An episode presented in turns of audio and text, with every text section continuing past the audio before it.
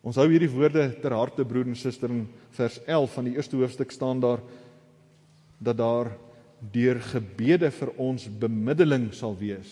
Daar staan eintlik dat daar deur gebed, deur die medewerking van gebed dank aan God sal wees. En die laaste verse van hoofstuk 1 sê dat ons medewerkers is aan julle vreugde. En dan ons teksvers vers 14 maar dank aan God wat ons altyd deur Christus in sy triomftog meevoer en die geur van sy kennis op elke plek deur ons versprei.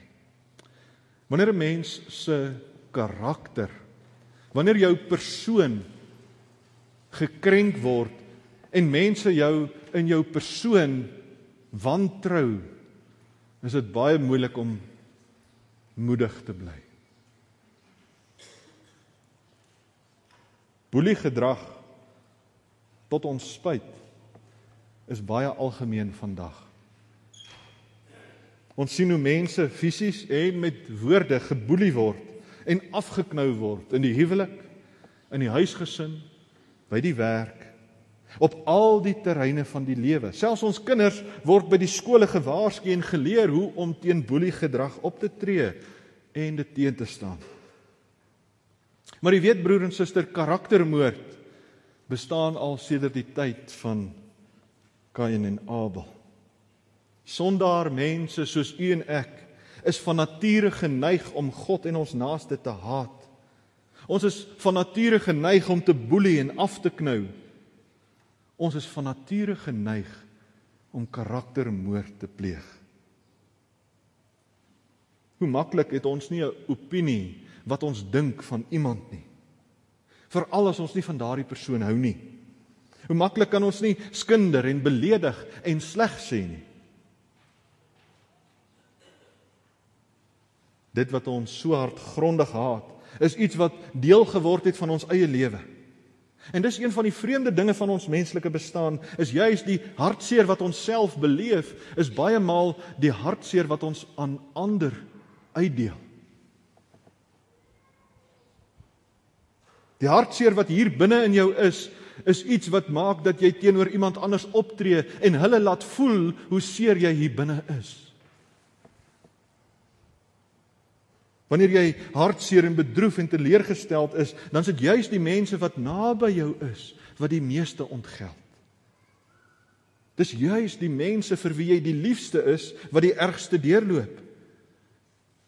Want wat 'n mens eintlik doen is maar net 'n 'n refleksie 'n reaktiewe reaksie om iemand vir wie jy lief is te laat voel hoe seer dit eintlik hier binne in jou is.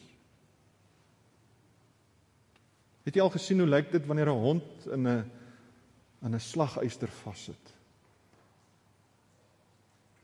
En as jy daardie hond wil gaan help, dan byt hy jou. Die bedoeling van daai hond is nie om jou te byt nie, maar omdat die seer hier binne so groot is. Omdat daardie seer en hoe meer daardie hond trek, hoe dieper sny die wonde hier binne. Is hy bang dat hy nog seerder gaan kry as iemand aan daardie slaguister raak. En elkeen wat naby kom om die hond te help word gebyt. En so is dit met ons seer ook. Dat ons mense nie naby wil toelaat nie omdat ons bang is dat ons weer gaan seer kry. Dit is juis wanneer ons vir 'n oomblik stil word en daardie slaguister afgehaal word en daardie wond behandel word wat 'n mens vrykom en vir 'n oomblik voor die Here kan staan en verlig voel. Het jy al ooit so gevoel broer en suster? Het jy al ooit so alleen gevoel en vasgevang gevoel dat dat jy eintlik so moedeloos en depressief geword het om te dink dat die Here jou nie kan help nie? Was jy al so moedeloos in die lewe dat jou karakter en jou persoon so so afgebreek is dat jy eintlik in jouself niks goed kan sien nie?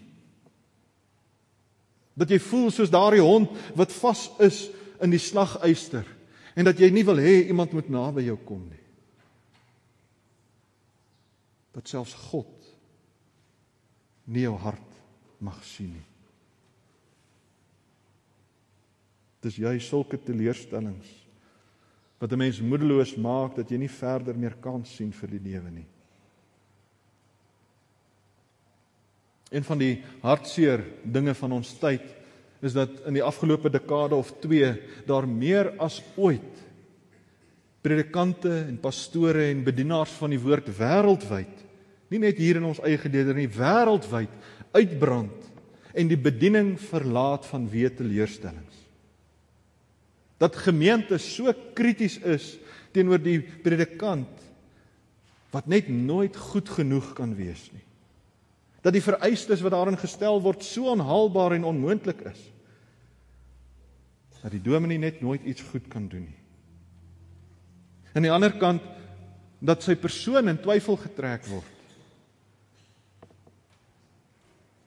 En dat sy karakter die heeltyd onder verdenking is. Jy sien broer en suster, dit is presies wat met Paulus gebeur het. Paulus en Apollos en Sefas word die heeltyd in hierdie gemeente teenoor mekaar opgeweeg en gemeet.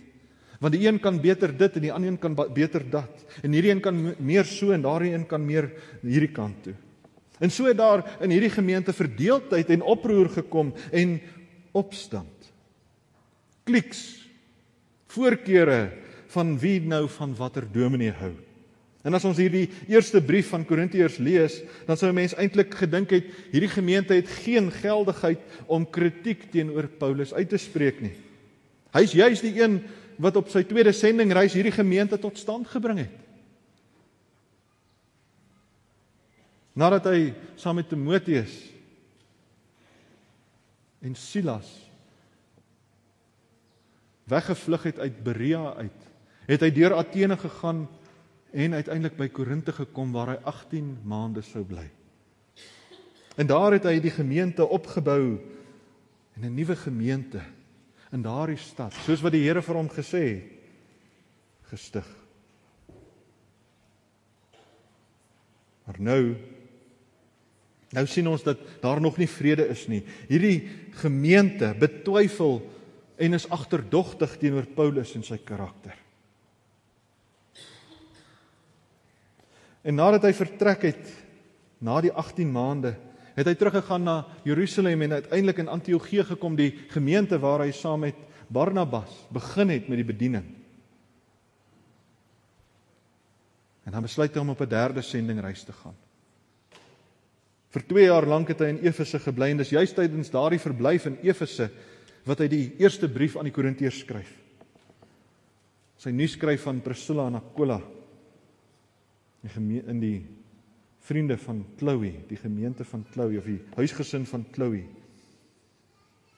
En dan skryf hy aan daardie gemeente die eerste Korinteërbrief.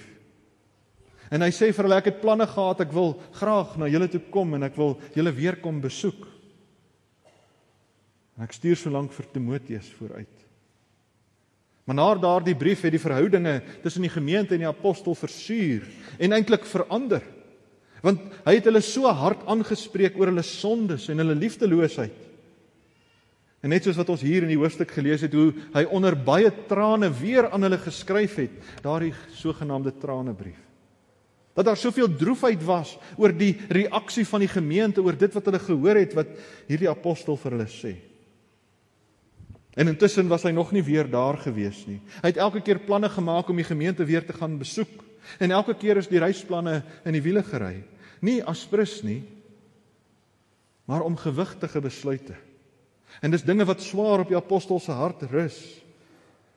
Maar nou kom die gemeente en sê, "Ja, jy het gesê jy gaan kom en nou daag jy nie op nie." Jy wat Paulus het gesê, "Ja is ja," en jy het gesê jy kom en nou is jy nie hier nie. En dan betwyfel hulle hierdie persoon se karakter. Hulle sê, "Ja, jy sê ja en nee, broer." Jy sê jy kom maar jy daag nie op nie. Maar dit bly nie net daar nie broer en suster. Dis nog baie meer. Uit hierdie gemeente leer ons ken dat hulle so beklei en vol tweestryd was met partyskappe en twis. En dat daar verdeeldheid onder mekaar kom oor wie nou Paulus se se voor wie wie Paulus is en wie Apollos is en wie Sefas is. En nou kan jy net dink hoe dit vir hierdie apostel moes wees, hierdie gemeente wat hy deur die genade van God as stigterslid kon oproep deur die evangelie. Maar hierdie gemeente leef goddeloos en sondig. En hulle stry en beklei met hom, met hom die dominee. Hulle beswadder sy persoon. En dan bly hy eerder weg. Hy sê, "Wou julle gehad het ek moes na julle toe kom en julle kom besoek en dan sou ek met 'n lat moes kom en ek sou julle almal moes teëgaan. Ek sou julle moes bestraf." Maar die Here het be bewaar dat ek nie na julle toe kom nie. Wil julle nie eerder hê as ek na julle toe kom dat ek nie met 'n hartseer en 'n swaar gemoed na julle toe kom omdat julle soveel droefheid in my hart veroorsaak?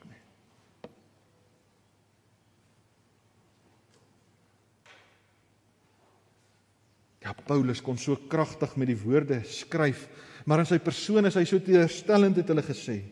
Met krag kon Apollos preek, maar maar Paulus, hy was maar 'n treurige ou. Hy's nie so vurig en geesdriftig nie. Hy's nie 'n man van statuur nie.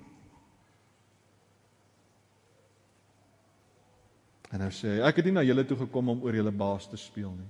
Ek het nie gekom om julle te kom voorskryf oor wat alles en nog meer nie.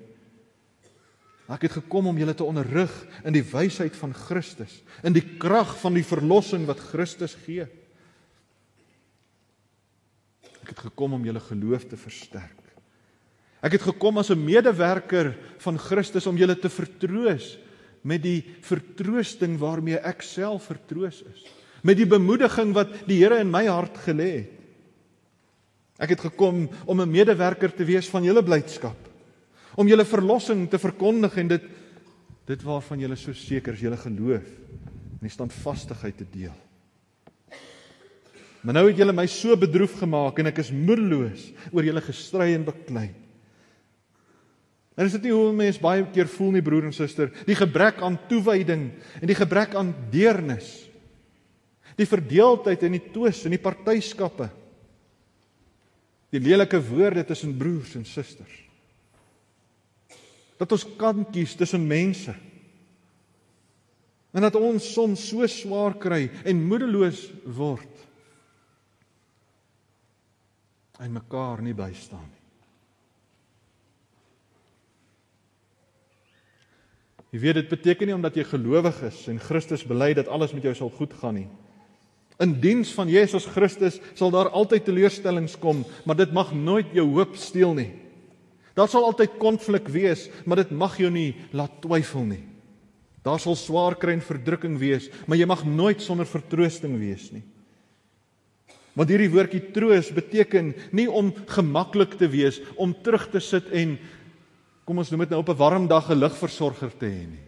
Dis nie wat troos beteken nie. Want as ons dit nou vertaal na Engels toe dan beteken dit comfort, gerusstelling. Dis nie wat dit bedoel nie. Dit bedoel dat jy in jou teleurstellings sterker gemaak sal word sodat jy kan staande bly. Daar word dit ook met die woordjie bemoediging vertaal. Dat jy weer sal moed kry, dat die troos jou sal ophef. Dat die trane afgevee sal word en dat jy jou gesig sal afspoel, dat jy verfris sal voel en sê ek voel opgebeur. Want ek kan weer op my voete staan. Gee jou moed Troos is om te weet daar's iemand wat jou las help dra. Iemand wat meewerk dat jy nie alleen staan nie. En dit is die taak geliefde gemeente ook van ons om medewerkers te wees. Medewerkers van Christus om ander te vertroos met die evangelie van vreugde wat in ons harte gelê is. Ons is medewerkers van Christus om vreugde te bring deur die kennis van sy verlossing oral uit te dra medewerkers in gebed om te bid vir hoop om om te bly vashou in die geloof. Jy sien so het Jesus ook vir sy disippels gebid dat hulle geloof nie sal ophou nie, dat hulle nie moedeloos sal word nie, dat hulle vertroos sal wees. Hy het vir hulle gebid voor sy kruisiging. Ja selfs daar aan die kruis bid Jesus omdat hulle nie weet wat hulle doen nie. En hy bly steeds vir ons bid. Hy is ons voorspraak in die hemel. En hy is die een deur wie daar vir ons 'n nuwe voorspraak verwerf word, die Heilige Gees as trooster. Die een wat in ons kom en ons kom vertroos, nie om vir ons te sê ag toe maar dit sal beter wees nie, maar om ons op te wek uit die dood, soos Christus uit die dood opgewek is, so wek die Heilige Gees u en my in 'n nuwe lewe saam met God. 'n Lewe van heiligheid en van toewyding en van dankbaarheid en van blydskap.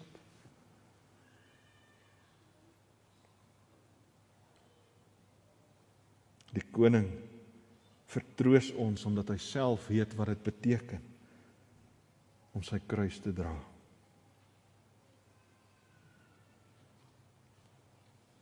Deur Christus ons voorganger, deur die uitstorting van die Heilige Gees word hy 'n medewerker. Word u en ek 'n medewerker aan ander se vertroosting. Hy is die koning wat ons vertroos en bemoedig in alle omstandighede sodat ons ook ander kan opbeur en bemoedig. Sodat ons kan staande bly. Sodat ons versterk kan word in ons teleurstellings, in ons versoekings, in die verdrukking. Want hy het self daardie verdrukking en teleurstelling en versoeking gedra. Hy het die versoeking van die sonde verduur. Hy het die teleurstelling van mense wat hom in die steek laat in sy persoon beleef. Ja daar aan die kruis is daar selfs die allerverskriklikste, 'n Vader wat in die hemel is, wat nie antwoord in die diepste benoudheid van vertroosting nie. En so geliefde broer en suster, so kon Christus vir ons 'n trooster word omdat hy self die dieptes van God se oordeel gedra het. Maar nou skryf hierdie apostel hierdie woorde. Hy sê in al hierdie dinge wat nou gebeur, dank ek God. Ek dank God wat ons altyd in Christus teen sy triomftog meevoer. Hoorie wat hier staan broer en suster. Paulus sê nie ag kry my jammer want ek is nou 'n dominee en julle is 'n gemeente wat my nie aansien en my karakter is gekrenk en ek voel so sleg nie. Hy sê ek dank God Want ek kyk nie na julle nie, ek oordeel myself nie eers nie. Want ek is deel van 'n groter prosesie. Ek kan julle nie red nie. Apollos kan julle nie red nie. Sefas kan julle nie red nie, net Christus kan. Maar ek is deel van daardie triomftog. En 'n triomftog is 'n baie spesifieke en 'n baie unieke gebeurtenis. Dit het nie baie gebeur nie. Sommige kommentatore sê as jy in Rome gebly het en jy kon dit een keer in jou lewenstyd sien, was jy gelukkig. Want daar's klomp voorwaardes vir 'n triomftog. Dis nie net elke keer as jy oorlog voer is daar 'n triomftog nie. Nee, dit mag nooit 'n burgerlike oorlog wees nie. Dit moet 'n buitelandse oorlog wees waar jy jou eie mense beskerm. En dan mag daar nie minder as 5000 oorlogsgevangenes wees nie. Daar's 'n klomp voorwaardes vir 'n triomftog. En die byt moet so groot wees en en die die verlossing so groot. Kan jy sien daar's mates waarin hierdie verlossing vir ons beskrywe word voordat 'n voordat 'n triomftog kan wees. Maar wat dan nou gebeur as daardie generaal terugkeer met hierdie groot gevangenes van oorlogsgevangenes saam met sy hele leermag, dan stap hy Rome tegemoet. En wie staan heel voor? Die politikuste. Hulle loop heel voor, die senaat. En agter die senaat loop daar trompetspelers wat uitjubel en vir almal laat weet hier kom die generaal in sy oorwinning. En dan na die trompetspelers volg die buit. Die mense wat loop met hande vol van hierdie gawes wat hulle gebuit het, wat hulle in die stad inbring. En dan kom die wit bul. 'n Wit bul wat geoffer sal word om ere aan die gode te bring. En na hierdie wit bul, na hierdie offer wat gaan gebring word, kom al die oorlogsgevangenes in kettinge, die leiers, die prinses, die edeles, die koning. En dan word hulle aangedryf en na hulle kom die orkes. En na die orkes kom daar mense, priesters wat wierookdraers was. En nou kan iemand net dink hoe dit moet wees met so 'n prosessie. En agter hierdie wierookdraers heel laaste kom die generaal. Skare en skare mense wat hier staan en hierdie groot prosessie Rome binne toejuig. En daardie wierookdraers stap sodat almal hierdie lieflike geur van oorwinning kan ruik. En dan juig hulle in die oorwinning en hulle ruik hierdie soet reuk. Kyk, hier is die hier is die skat, die oorlog is gewen en die buit is ingebring. En al die mense wat daar in die strate staan en toejuig, die triomf is oorwin, die triomf is oorwin. Ryk daardie soet geur van oorwinning. Maar daardie oorlogsgevangenes ryk daar dieselfde soet geur en hulle weet dit is hulle einde. En dis hierdie beeld broer en suster wat Paulus sê ek is net 'n wierookdraer Ek stap in hierdie prosesie en ek is vorm deel van hierdie triomftog van Christus wat kom, wat die oorwinning reeds behaal het, wat die skatte alreeds bymekaar gemaak het en wat kom om dit uit te deel en ek dra hierdie wierook van sy oorwinning, die reuk van verlossing. En so word u en ek ook draers van die wierook om die kennis van die verlossing van Christus vir almal te laat ruik. Ons het geen aandeel in die verlossing nie. Ons kan die verlossing vir onsself nie toeëie nie. Ons is alleen wierookdraers. Die triomf van Christus is reeds behaal. Die oorwinning is vas en seker. En daarom kan ons vanmôre vir u vra broer en suster. Nee, hy wat triomfeer vra vanmôre vir u Hy wat uit die dood uit opgestaan het, hy wat deur die krag van die Heilige Gees 'n nuwe lewe het en daardie Gees in u gegee het. Hy vra vanmôre vir u, watter teleurstelling is daar in jou lewe wat vir jou te swaar is waarmee jy nie kan vrede maak nie? Watter sondes is daar wat jou soveel droefheid en teleurstelling bring dat jy nie die triomf kan sien nie? Dat die triomf van Christus vir jou 'n reuk van die dood voel?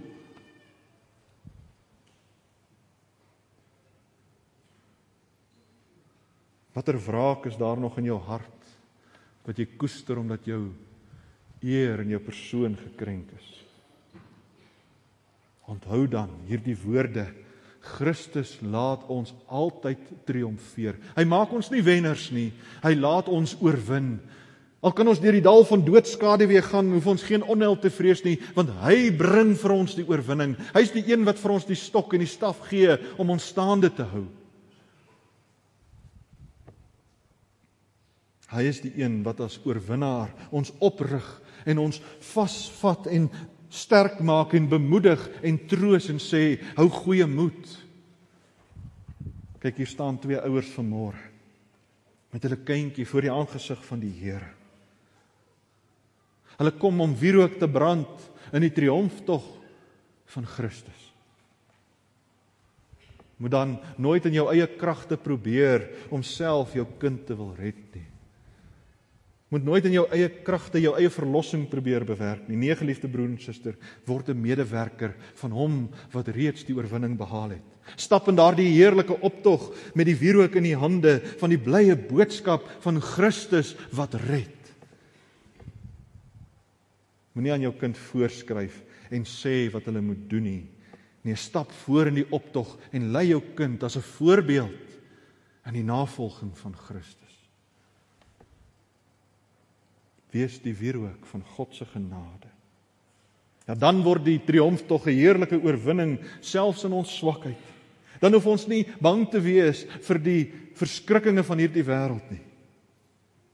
Want die triomf tog sê ons is mede-arbeiders aan hom wat reeds oorwin het. Mede-arbeiders in gebed.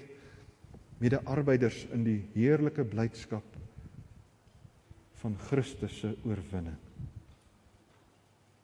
Kyk hy kom. Hy sal uit die hemele kom en as oorwinnaar alles oorwin. Wat sal ons dan van hierdie dinge sê as God vir ons is, wie kan teen ons wees? Hy wat self sy eie seun nie gespaar het nie, maar vir ons oorgegee het, hoe sal ons nie saam met hom ook alles genadiglik ontvang nie? Wie sal 'n beskuldiging inbring teen die uitverkorenes van God? God is dit wat regverdig maak. Wie is dit wat veroordeel? Christus is dit wat gesterf het, ja, meer nog, wat opgewek is, wat ook aan die regterhand van God is, wat ook vir ons intree. Wie sal ons dan skei van die liefde van Christus? Verdrukking of benoudheid of vervolging of honger of naaktheid of gevaar of swaard? soos daar geskrywe is om u ontwil word ons die hele dag gedood ons is gereken as slagskape maar in al hierdie dinge is ons meer as oorwinnaars deur hom wat ons liefhet want ek is verseker ek het sekerheid daarvan geen dood of lewe of engele of owerhede of magte of teenwoordige of toekomende dinge of hoogte of diepte of enige ander skepsel sal ons skei van die liefde van God wat daar in Christus Jesus ons Here is nie. Amen